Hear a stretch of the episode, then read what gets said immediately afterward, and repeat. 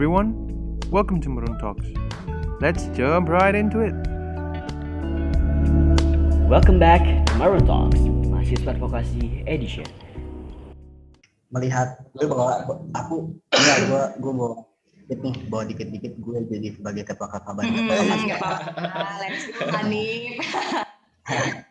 halo gue KKBAN KKBAN bukan gitu jadi eh, gue juga merasakan kayak seperti teman-teman ketika gue ada di organisasi A, B, C, dan gue sebagai ketua di KKBAN yang notabene organisasi pengabdian. Organisasi pengabdian di situ mikir dari pengabdian-pengabdian udah gue lakukan selama dua tahun terakhir. Bagaimana caranya pengabdian itu maupun online impactnya tetap sama. Itu menjadi PR gue rasa itu menjadi PR semua organisasi yang berdasarkan pengabdian ya gitu. Kayak organisasi-organisasi paguyuban gue rasa sama seperti itu fokusnya karena ketika kita bilang pengabdian yang kita lakukan itu adalah gerak. Yang kita lakukan itu adalah aksi gitu. Actionnya kayak gimana nih ketika memikirkan online kita baru nih ngolah impact impact impact dan impactnya bagaimana bisa didapatkan. Itu benar-benar ngebuat banget ngebuat gue sumpah itu gue ada di titik di mana hari-hari gue gue sama sekali nggak mau buka laptop gue nggak mau balesin chat-chat orang gue ngilang tanpa gue ngomong. Gue ada di titik itu karena gue merasa gue muak gue muak ketika uh, gue belum beres mikirin yang satu gue mikirin yang lain gitu gue muak. Tapi ada di titik yang gue diingatkan tentang tanggung jawab. Gue suka banget di sumpah gue suka banget sama sama kata-kata Kang Komar kondisi berubah tanggung jawab enggak nah itu juga tanggung jawab yang ingetin gue tanggung jawab yang nerimain gue untuk lu harus nyelesain ini lu harus buat bangga setiap orang yang udah pernah lu punya harapan. Kalau gitu sih yang buat gue nah cukup ya maksudnya kayak kita sama-sama punya cara kita sendiri dari yang mulai main bohong time yang ngilang itu yang ngebohongin video-nya ini untuk TK untuk rake ya ini gue bukan hanya buka aib cuman ya ini dia hati gitu karena siap-siap diserang nanti beres podcast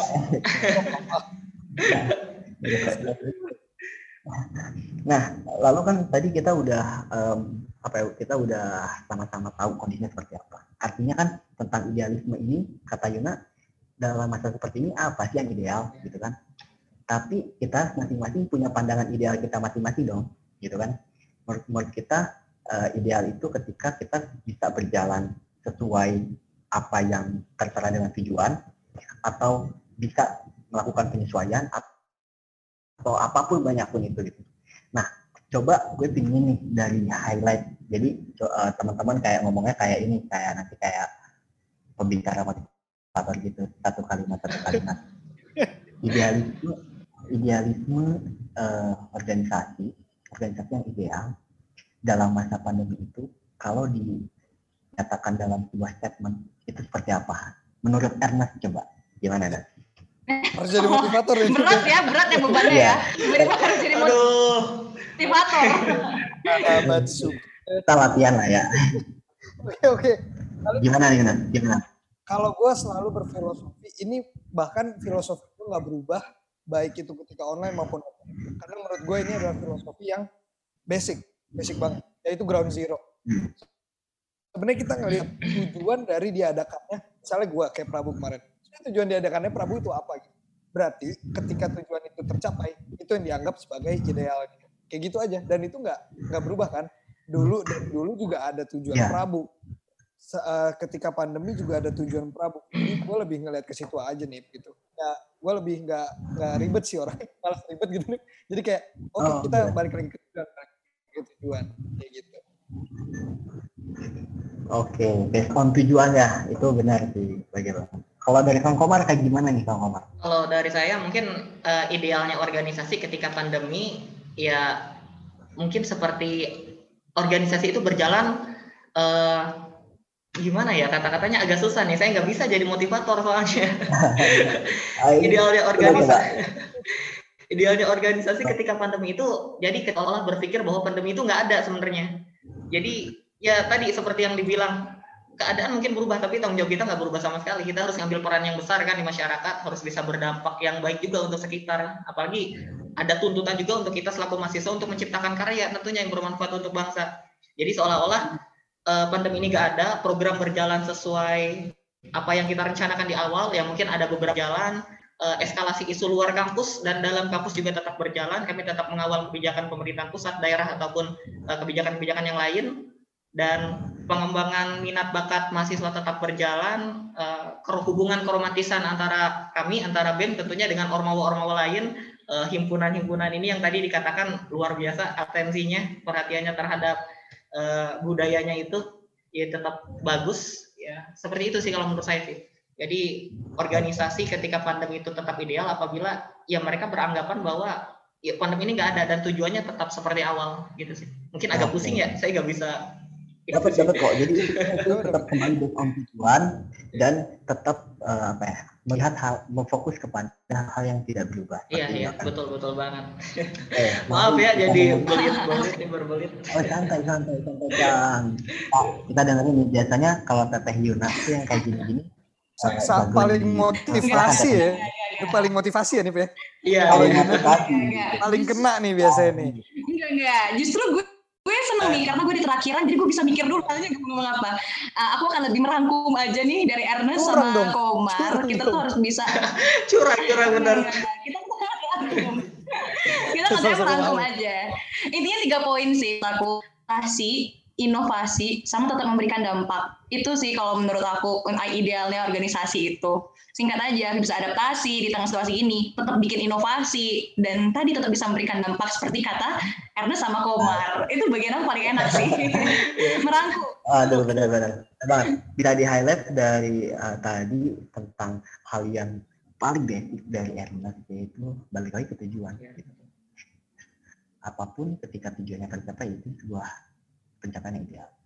Dari Kang Komar ketika kita bisa menjalankan sesuai dengan bagaimana ia harus berjalan itu ideal. Dan dari Yuna ketika itu bisa beradaptasi itu bisa tetap berinovasi dan itu bisa tetap memberikan dampak impact yang bagus nanti itu yang ideal. Keidealan kita itu banyak banget gitu ya Kang ya? Yeah. banyak banget gitu uh, ideal-ideal mungkin yang berbeda. Tapi yang bisa di highlight di sini sama-sama adalah kita sama-sama ideal untuk tetap berjuang dan apa yang kita lakukan, apa yang kita laksanakan untuk bisa mencapai tujuannya. Mungkin seperti itu. Mantap. Luar biasa ini benar-benar motivator nih. tadi.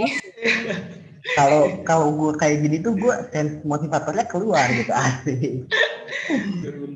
Bantu keluar.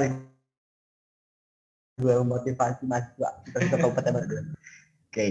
ya mungkin itu dari banyak hal idealisme kalau buat buat gue dari latar belakang gue yang kekaban sebagai ketuanya gue melihat uh, idealisme dari si organisasi ini berjalan ketika ya tadi balik kepada tujuan gue sepakat dengan teman-teman semua ketika kita mencapai tujuan itu karena ketika kita punya tujuan misalnya kita punya tujuan uh, di ke Jakarta gitu kan gue bisa bisa jemput Yona dulu ke uh, Lampung ya kayak ke Palembang sorry gue bisa ke Palembang gue bisa langsung ke Jakarta gue bisa ke Kalimantan dulu dan apa pun jalannya gitu. Artinya apa?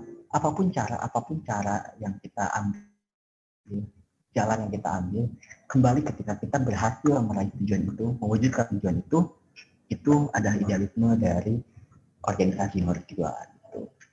waduh keren banget nih ngobrol tentang organisasi agaknya agak-agak capek gitu ya kalau bahasa anak rumah tuh kayak gitu nah agaknya agak capek yang gitu. Agaknya agak gitu. coba saya misalnya kalau gue mau ngelanjut nih ya gue masih penasaran tentang uh, ke, apa ya maksudnya nggak selama pandemi berlangsung gitu kan. Gue ngobrol dengan beberapa organisasi dengan forum-forum yang lain ada ternyata nih organisasi yang memfokuskan untuk pengembangan internalnya. Bah, ada juga organisasi yang fokus untuk bisa mencari tahu nih adaptasi-adaptasi apa yang harus dilakukan. Tapi kan keputusan itu berbeda ya. ya. Pandangan dari teman-teman nih melihat apa ya melihat dua pandangan itu, pandangan terhadap melihat uh, kondisi ini sebagai kesempatan untuk memfokuskan membenahi internal dan melihat uh, apa sih keadaan pandemi ini untuk bisa makin makin kreatif dan makin adaptif.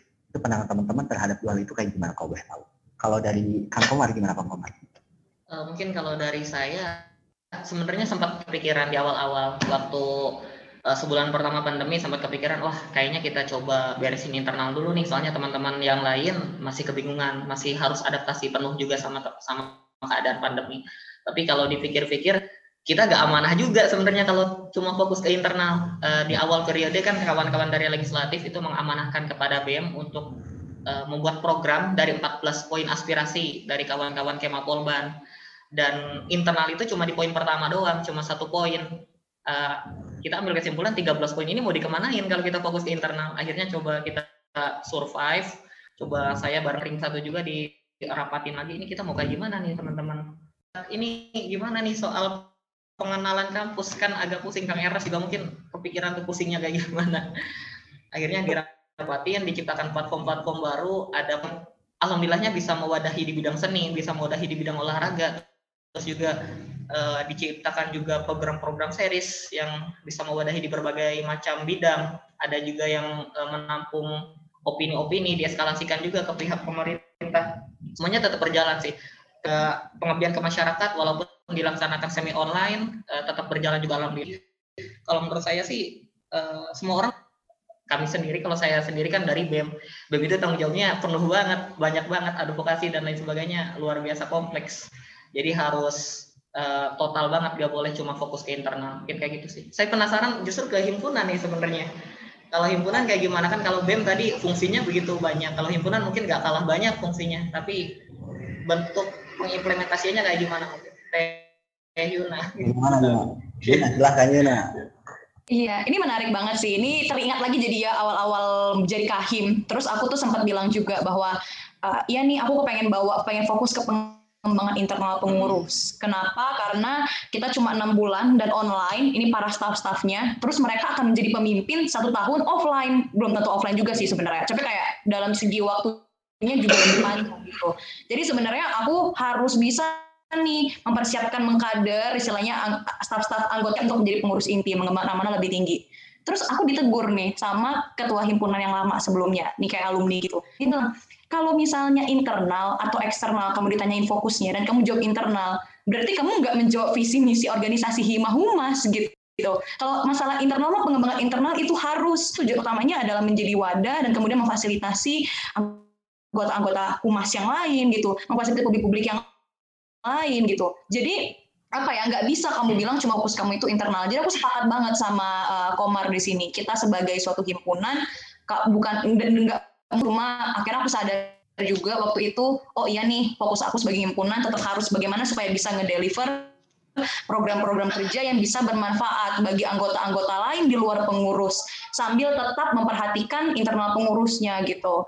Eh, dan akhirnya kita coba implementasikan juga di program-program. Oh kita cari tahu kebutuhan mereka apa. Setelah maksudnya di tengah-tengah sebelum kita mulai kabinet itu kita tahu oh ternyata mereka butuh soal akademik nih karena kemarin kuliahnya nggak maksimal. Oke kita lahirkan program-program kerja yang berbasisnya akademiknya dibanyakin misalnya kayak gitu. Jadi mengikuti tetap kebutuhan dari masyarakat utamanya hima sih. Gitu kalau misalnya aku banyak sepakat sih sama Komar juga. Oke oke benar mantap kan tadi ada skup BEM, skup Hima, sekarang nih skup dari proker dari Ernest. Ernest awalnya nih Nes, ketika uh, menjalankan Prabu nih Nes, uh, yang lu fokuskan untuk di running awal itu yang target lu ingin capai awal itu adalah kuat internal dulu atau memang uh, target lu ada di awal pengembangan pengembangan Prabu di luar gimana nih? Uh, sebenarnya ini karena take on-nya dari kepanitiaan gitu ya Nip ya. Di mana memang yeah. ada acara gitu yang pengen dibuat. Jadi dan sebenarnya bisa tuh internal kan kalau internalnya kuat eksternalnya insya Allah juga dapat ya ketika memang planningnya bagus. Yeah. tapi karena adanya pandemi ini jadi banyak waktu berkurang pada akhirnya gue memutuskan untuk oke okay, kita acara. Yang penting adalah acara gitu. Dan kalau misalnya uh, eh, gue tahu banyak kritik kemarin ke Prabu gimana di internalnya memang kurang gitu ya dan uh, eh, gue sangat uh, maksudnya gue take responsibility banget terhadap hal itu. Gue kan sama sekali karena kemarin memang posisinya itu ada acara yang harus dilakukan dalam waktu yang uh, sedikit gitu ya, dalam waktu persiapan sedikit. Di situ harus ada keputusan yang diambil gitu. Tapi uh, pada akhirnya itu, kalau untuk idealnya nih, kalau tadi ngomong idealnya, tadi sebenarnya si internal dan eksternal ini berse, uh, bersandingan gitu ya bersandingan antara internal eksternal ini. Karena lu nggak bisa dapat eksternal yang wah juga ketika internal lu kacau coy gitu. Sebenarnya kayak gitu sih. Tapi pada akhirnya kadang-kadang ada beberapa keputusan yang memang harus dipilih. Seperti itu sih. Hmm, oke oke. Benar-benar kan nah cukup dari si kepanitiaan ini lu jadi mem memfokuskan kepada ada yang harus berjalan. Tapi lu nggak bisa harus mikirin apa yang mikirin hal secara kompleks terus ya kayak gitu ya. Jadi lu fokus nih terhadap apa yang sangat inti gitu kan ya Hmm. Oke, okay. gitu. Benar-benar. Hmm, menarik banget maksudnya kayak teman-teman sama-sama mengalami apa ya? Mengalami uh, titik di mana harus mengambil keputusan itu. Bahkan gue juga sebagai akaban ada yang menarik dari hal yang gue hadapi adalah gue menghadapi internal yang terlanjur dekat, internal yang terlanjur kuat dan gue harus bisa mengimbangi semangat anak-anak untuk hmm. bisa apa ya untuk bisa membuat angkaban ini tetap lari kita banyak hal tapi dengan hal itu yang gue dapat ketika gue memutuskan untuk ayo kita lari karena di lain tidak bukan semangat anak-anak gue di internal wah itu keren banget yeah, yeah. pengalaman gue